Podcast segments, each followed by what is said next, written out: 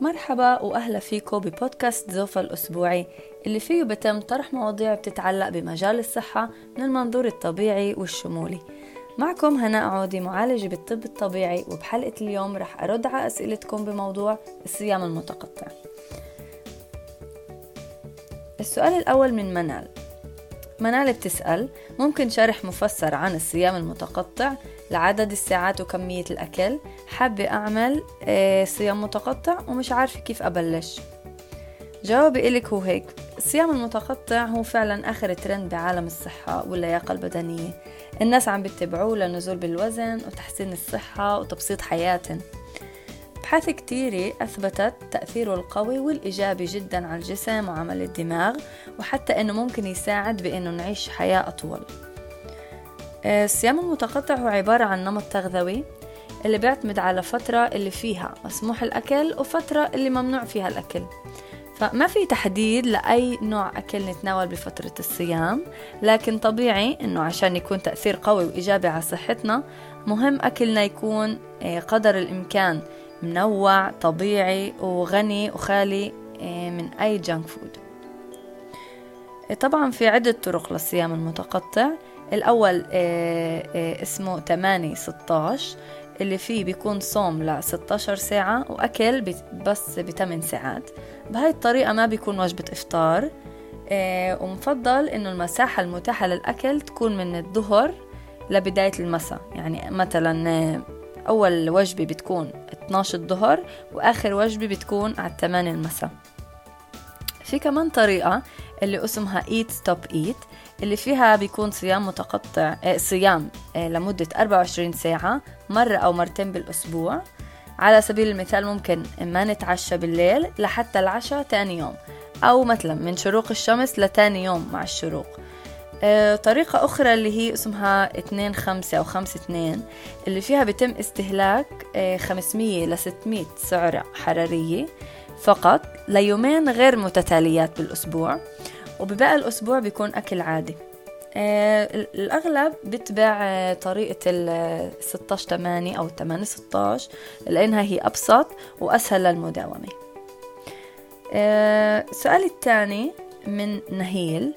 آه بتسأل أنا ملتزمة إلي نصف سنة آه، بس ما عم بنزل بالوزن رغم إني بصوم 18 ساعة والأكل بيكون صحي قدر الإمكان. بس ما بنفي إنه بالويكند بيكون في يوم إخفاقات بالالتزام. آه، الجواب هو كالتالي النزول بالوزن مع الصيام المتقطع بيختلف كتير من شخص لشخص. آه، فالإشي بيتعلق بالوزن اللي البدائي تبع الشخص. بالطريقة اللي عم نتبعها بالصيام المتقطع وأنواع الأكل اللي عم ناكلها خلال الفترة اللي فيها بنفع ناكل. وطبعا في عوامل أخرى كتير يعني صعب أفصلها ببودكاست أما من الأسباب اللي ما بتخليكي تنزلي بالوزن مع صيام متقطع عادة بتكون استهلاك عالي لسعرات حرارية. يعني عم تاكلي سعرات حرارية أكتر من ما لازم خلال الفترة المتاحة للأكل. هاي أكتر إشي آه، بيأثر على نزول بالوزن. وممكن تصلحي هاي الحالة من خلال آه، حساب السعرات الحرارية تحسبيهن مع إني ما بفضل هاي الطريقة والتوجه هذا للأكل لكن ب... لفترة محدودة استعملي تطبيق اللي من خلاله بتعدي السعرات الحرارية. وهيك بيكون عندك فكرة أحسن عن كمية السعرات الحرارية اللي عم بتدخليها كل يوم. آه وكمان ممكن في مرات أكل صحي صحيح لكن يعتبر آه يعني عالي جدا بالسعرات الحرارية. فمن خلال هاي الآب أنت راح تقدري آه تاخدي فكرة أوسع وأحسن عن آه السعرات الحرارية اللي بأنواع أكل معينة وعن بشكل عام قد إيه عم بتدخلي سعرات حرارية.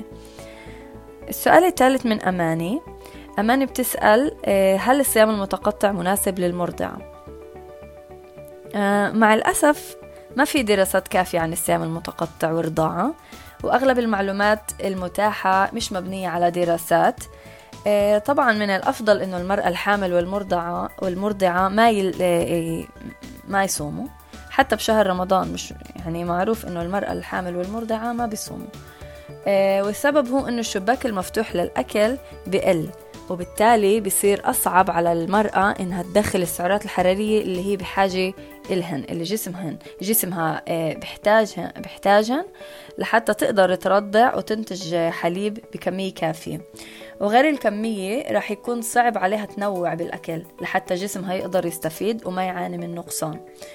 آه، المنع الكلي للمرأة المرضعة بيكون عادة كمان إذا طفلها بيعتمد فقط على الرضاعة كمصدر لتغذيته. لكن إذا الطفل فوق جيل السنة وبرضع مرة أو مرتين باليوم فقط وتغذيته أغلبها صارت تعتمد على وجبات عادية. هيك بيكون تمام للأم إنه يعني ممكن تبلش تجرب. تعمل صيام متقطع آه، لكن بتدريج. آه، أكيد مش 16 8 كبداية. ممكن تبلش ب 14 و 10 يعني 14 ساعة صوم و10 ساعات اللي بينفع تاكل فيها. السؤال اللي بعده من رقية وبتسأل هل بنفع نشرب كفير اللي هو كفير ماعز؟ خلال فترة الصيام المتقطع. للي ما بيعرف الكفير هو مشروب حليب مخمر بيشبه الايرن اللي هو زي يوغورت سائل. آه، أحيانا بيكون من حليب بقري أو ماعز وأحيانا بيكون من حليب نباتي. مضاف لها حبوب مخمرة بتساعد على هاي العملية إنه إنه يتخمر. الكفير جدا مفيد للميكروبايوم لكن بالنسبة لتناوله أثناء الصيام المتقطع فالجواب هو لا لأنه بيحتوي على سعرات حرارية فيه نشويات صحيح مش كتير لكن بالنسبة للجسم هاي طاقة اللي هي من مصدر نشوي. فلحتى نقدر نوصل لحالة كيتوزس اللي هي العملية الأيضية اللي من خلالها الجسم بيعتمد على حرق الدهون آه، كمصدر طاقة آه، إحنا بحاجة إنه ما ندخل سعرات حرارية من مصدر نشوي. السؤال اللي بعده من بيسان بيسان بتسأل هل عن جد بيأثر الصيام المتقطع على نسبة حرق الدهون؟ وهل بيأثر على مستوى السكر في الدم؟ آه، جدا منطقي إنه الصيام المتقطع يساعد على النزول بالوزن من خلال حرق الدهون ورح أشرح أكثر فمثلا لما إحنا بناكل آه، جسمنا بحلل الأكل من خلال إنزيمات الهضم ومن خلال الأمعاء. وبالنهاية المركبات المحللة بتنتقل لمجرى الدم. النشويات وتحديدا السكريات والنشويات المكررة مثل الرز والطحين الأبيض آه، بيتم تحليلهن بسرعة لسكريات بسيطة اللي خلايا الجسم تستغلهن كطاقة. فإذا الخلايا ما استغلوهن كطاقة الجسم بخزنهن كدهون. المهم نعرفوا أن السكر آه، فقط بدخل الخلايا مع إنسولين. اللي هو هرمون اللي ينتج في البنكرياس. الإنسولين هو اللي بيودي السكر للخلايا الدهنية. فإذا بين الوجبات ما كان سناك وتلويش آه، مستوى الإنسولين بنخفض وهيك الخلايا الدهنية بتصير تحرر السكر المحفوظ فيها لحتى الجسم يستعمله كطاقة. فنعم إحنا بننزل بالوزن إذا مستويات الإنسولين بتكون منخفضة.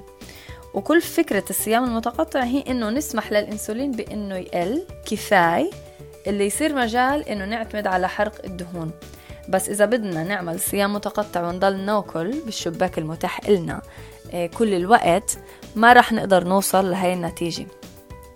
آه، السؤال اللي بعده من ملك أو ما آه، ملاك بتسأل إنه بفترة الأكل بقدر أكل شو ما بدي وبدون حساب للكالوريز والدهون. فبتمنى الرد كان واضح بالسؤال السابق اللي إسا آه، بالجواب السابق اللي حكيته. وبشدد مرة تانية إنه الجواب أكيد هو لأ يعني. آه، لهون بنكون وصلنا لنهاية البودكاست. بتمنى تكونوا استفدتوا من أجوبتي على أسئلتكم. وإذا حبيتوا المحتوى شاركوه مع أقربائكم وأصدقائكم وإذا عندك أو عندك أي استفسار بسعدني أساعد دايما. كنت معكم هناء عودي أشوفكم بخير.